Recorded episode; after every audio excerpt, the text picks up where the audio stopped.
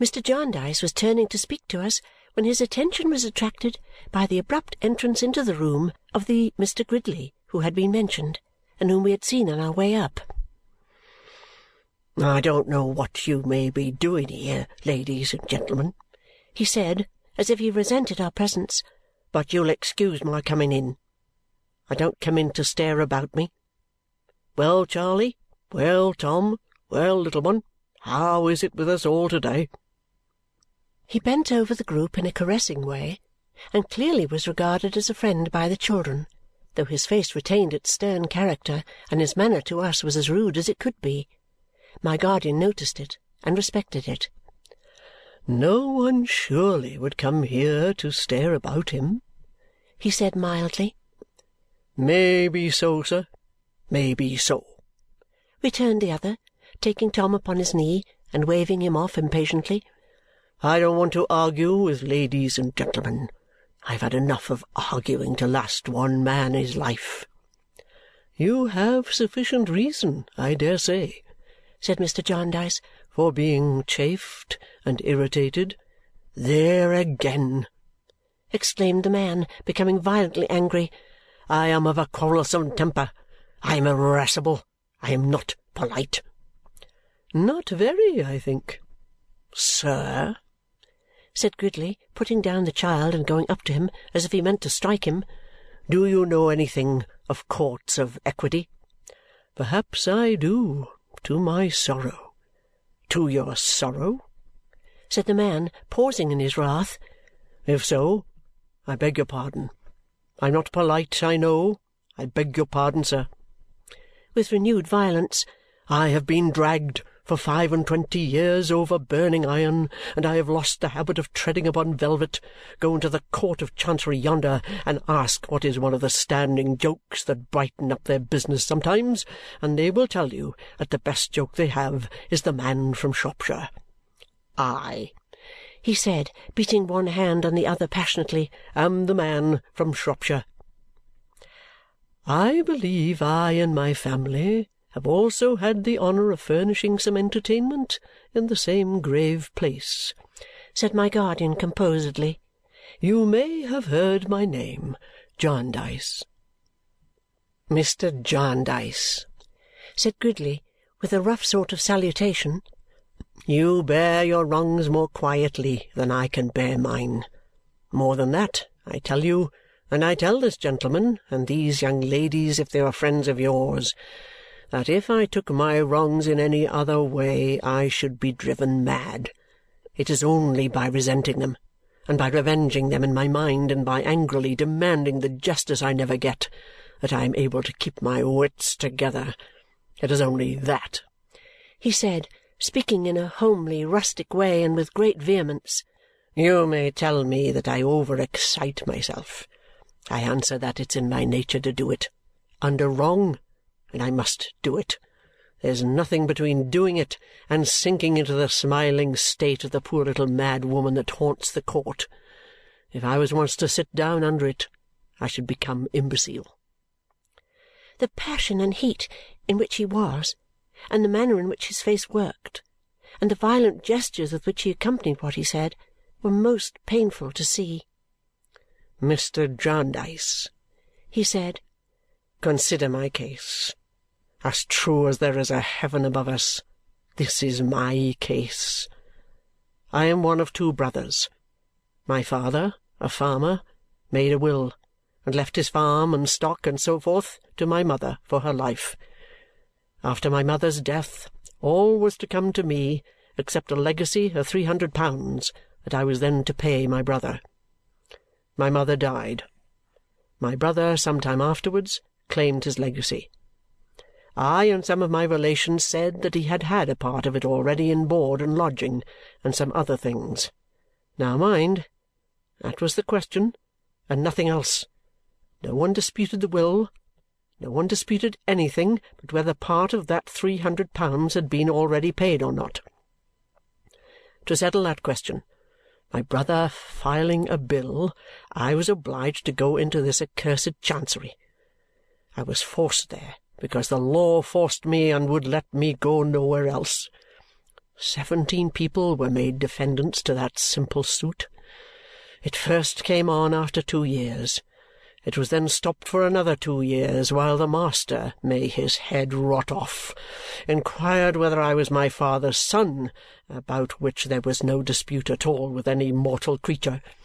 He then found out that there were not defendants enough. Remember, there were only seventeen as yet, but that we must have another who had been left out and must begin all over again. The costs at that time, before the thing was begun, were three times the legacy.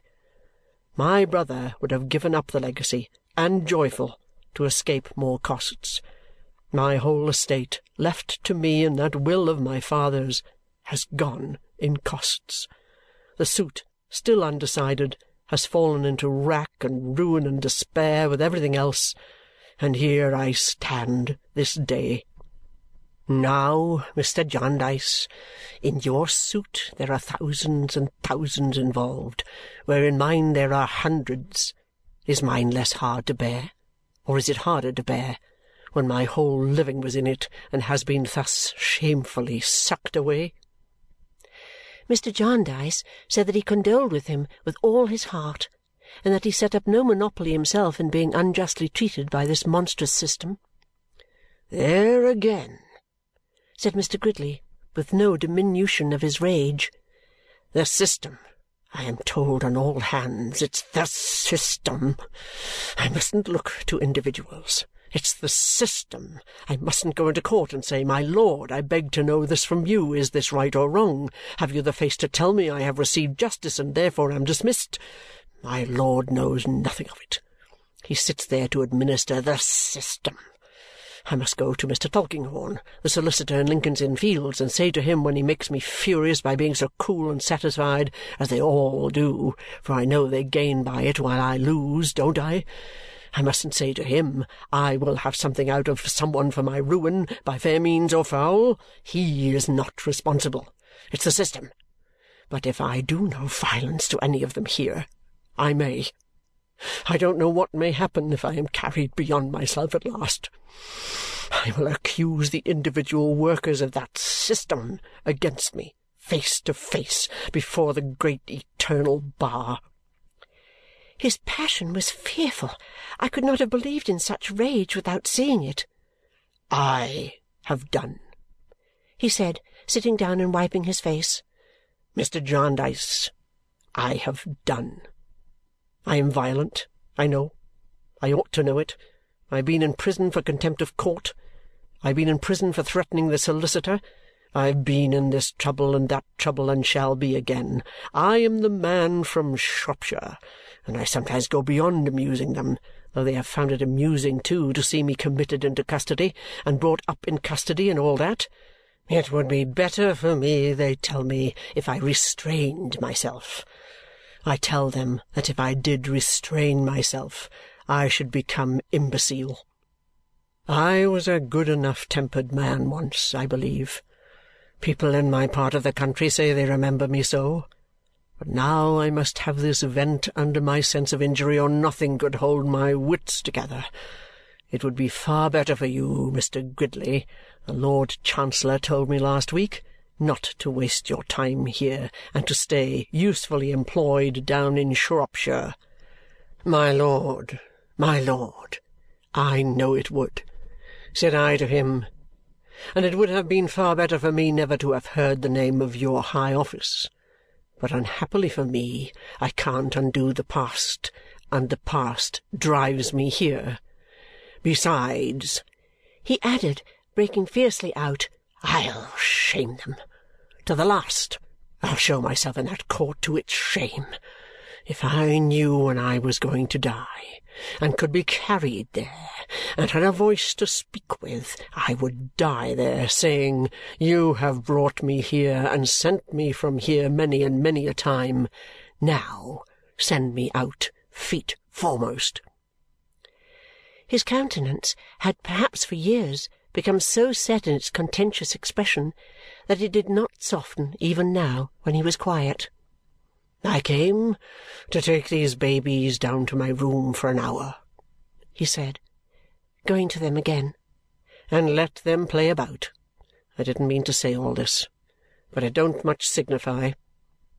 You're not afraid of me, Tom, are you?" "No," said Tom. "You ain't angry with me?" "You are right, my child. You're going back, Charley, eh? Come then, little one." He took the youngest child on his arm, where she was willing enough to be carried. "I shouldn't wonder if we found a gingerbread soldier downstairs. Let's go and look for him he made his former rough salutation, which was not deficient in a certain respect to Mr. Jarndyce, and bowing slightly to us, went downstairs to his room. Upon that, Mr. Skimpole began to talk for the first time since our arrival. In his usual gay strain, he said, "Well, it was really very pleasant to see how things lazily adapted themselves to purposes. Here was this Mr. Gridley, a man of a robust will and surprising energy, intellectually speaking a sort of inharmonious blacksmith, and he could easily imagine that there Gridley was, years ago, wandering about in life for something to expend his superfluous combativeness upon, a sort of young love among the thorns, when the Court of Chancery came in his way and accommodated him with the exact thing he wanted. There they were, matched ever afterwards. Otherwise he might have been a great general, blowing up all sorts of towns, or he might have been a great politician dealing in all sorts of parliamentary rhetoric, but as it was, he and the Court of Chancery had fallen upon each other in the pleasantest way, and nobody was much the worse, and Gridley was, so to speak, from that hour provided for. Then look at Coavinses. How delightfully poor Coavinses, father of these charming children, illustrated the same principle. He, Mr. Skimpole himself, had sometimes repined at the existence of Coavinses. He had found Coavinses in his way. He could have dispensed with Coavinses. There had been times when if he had been a sultan and his grand vizier had said one morning, What does the commander of the faithful require at the hands of his slave? he might have even gone so far as to reply, The head of Coavinses. But what turned out to be the case? That all that time he had been giving employment to a most deserving man, that he had been a benefactor to Coavinses, that he had actually been enabling Coavinses to bring up those charming children in this agreeable way, developing these social virtues. Insomuch that his heart had just now swelled, and the tears had come into his eyes when he had looked round the room and thought, I was the great patron of Coavinses and his little comforts were my work. There was something so captivating in his light way of touching these fantastic strings, and he was such a mirthful child by the side of the graver childhood we had seen, that he made my guardian smile even as he turned towards us from a private little talk with Mrs. Blinder. We kissed Charley and took her downstairs with us and stopped outside the house to see her run away to her work. I don't know where she was going, but we saw her run, such a little, little creature, in her womanly bonnet and apron, through a covered way at the bottom of the court, and melt into the city's strife and sound like a dewdrop in an ocean.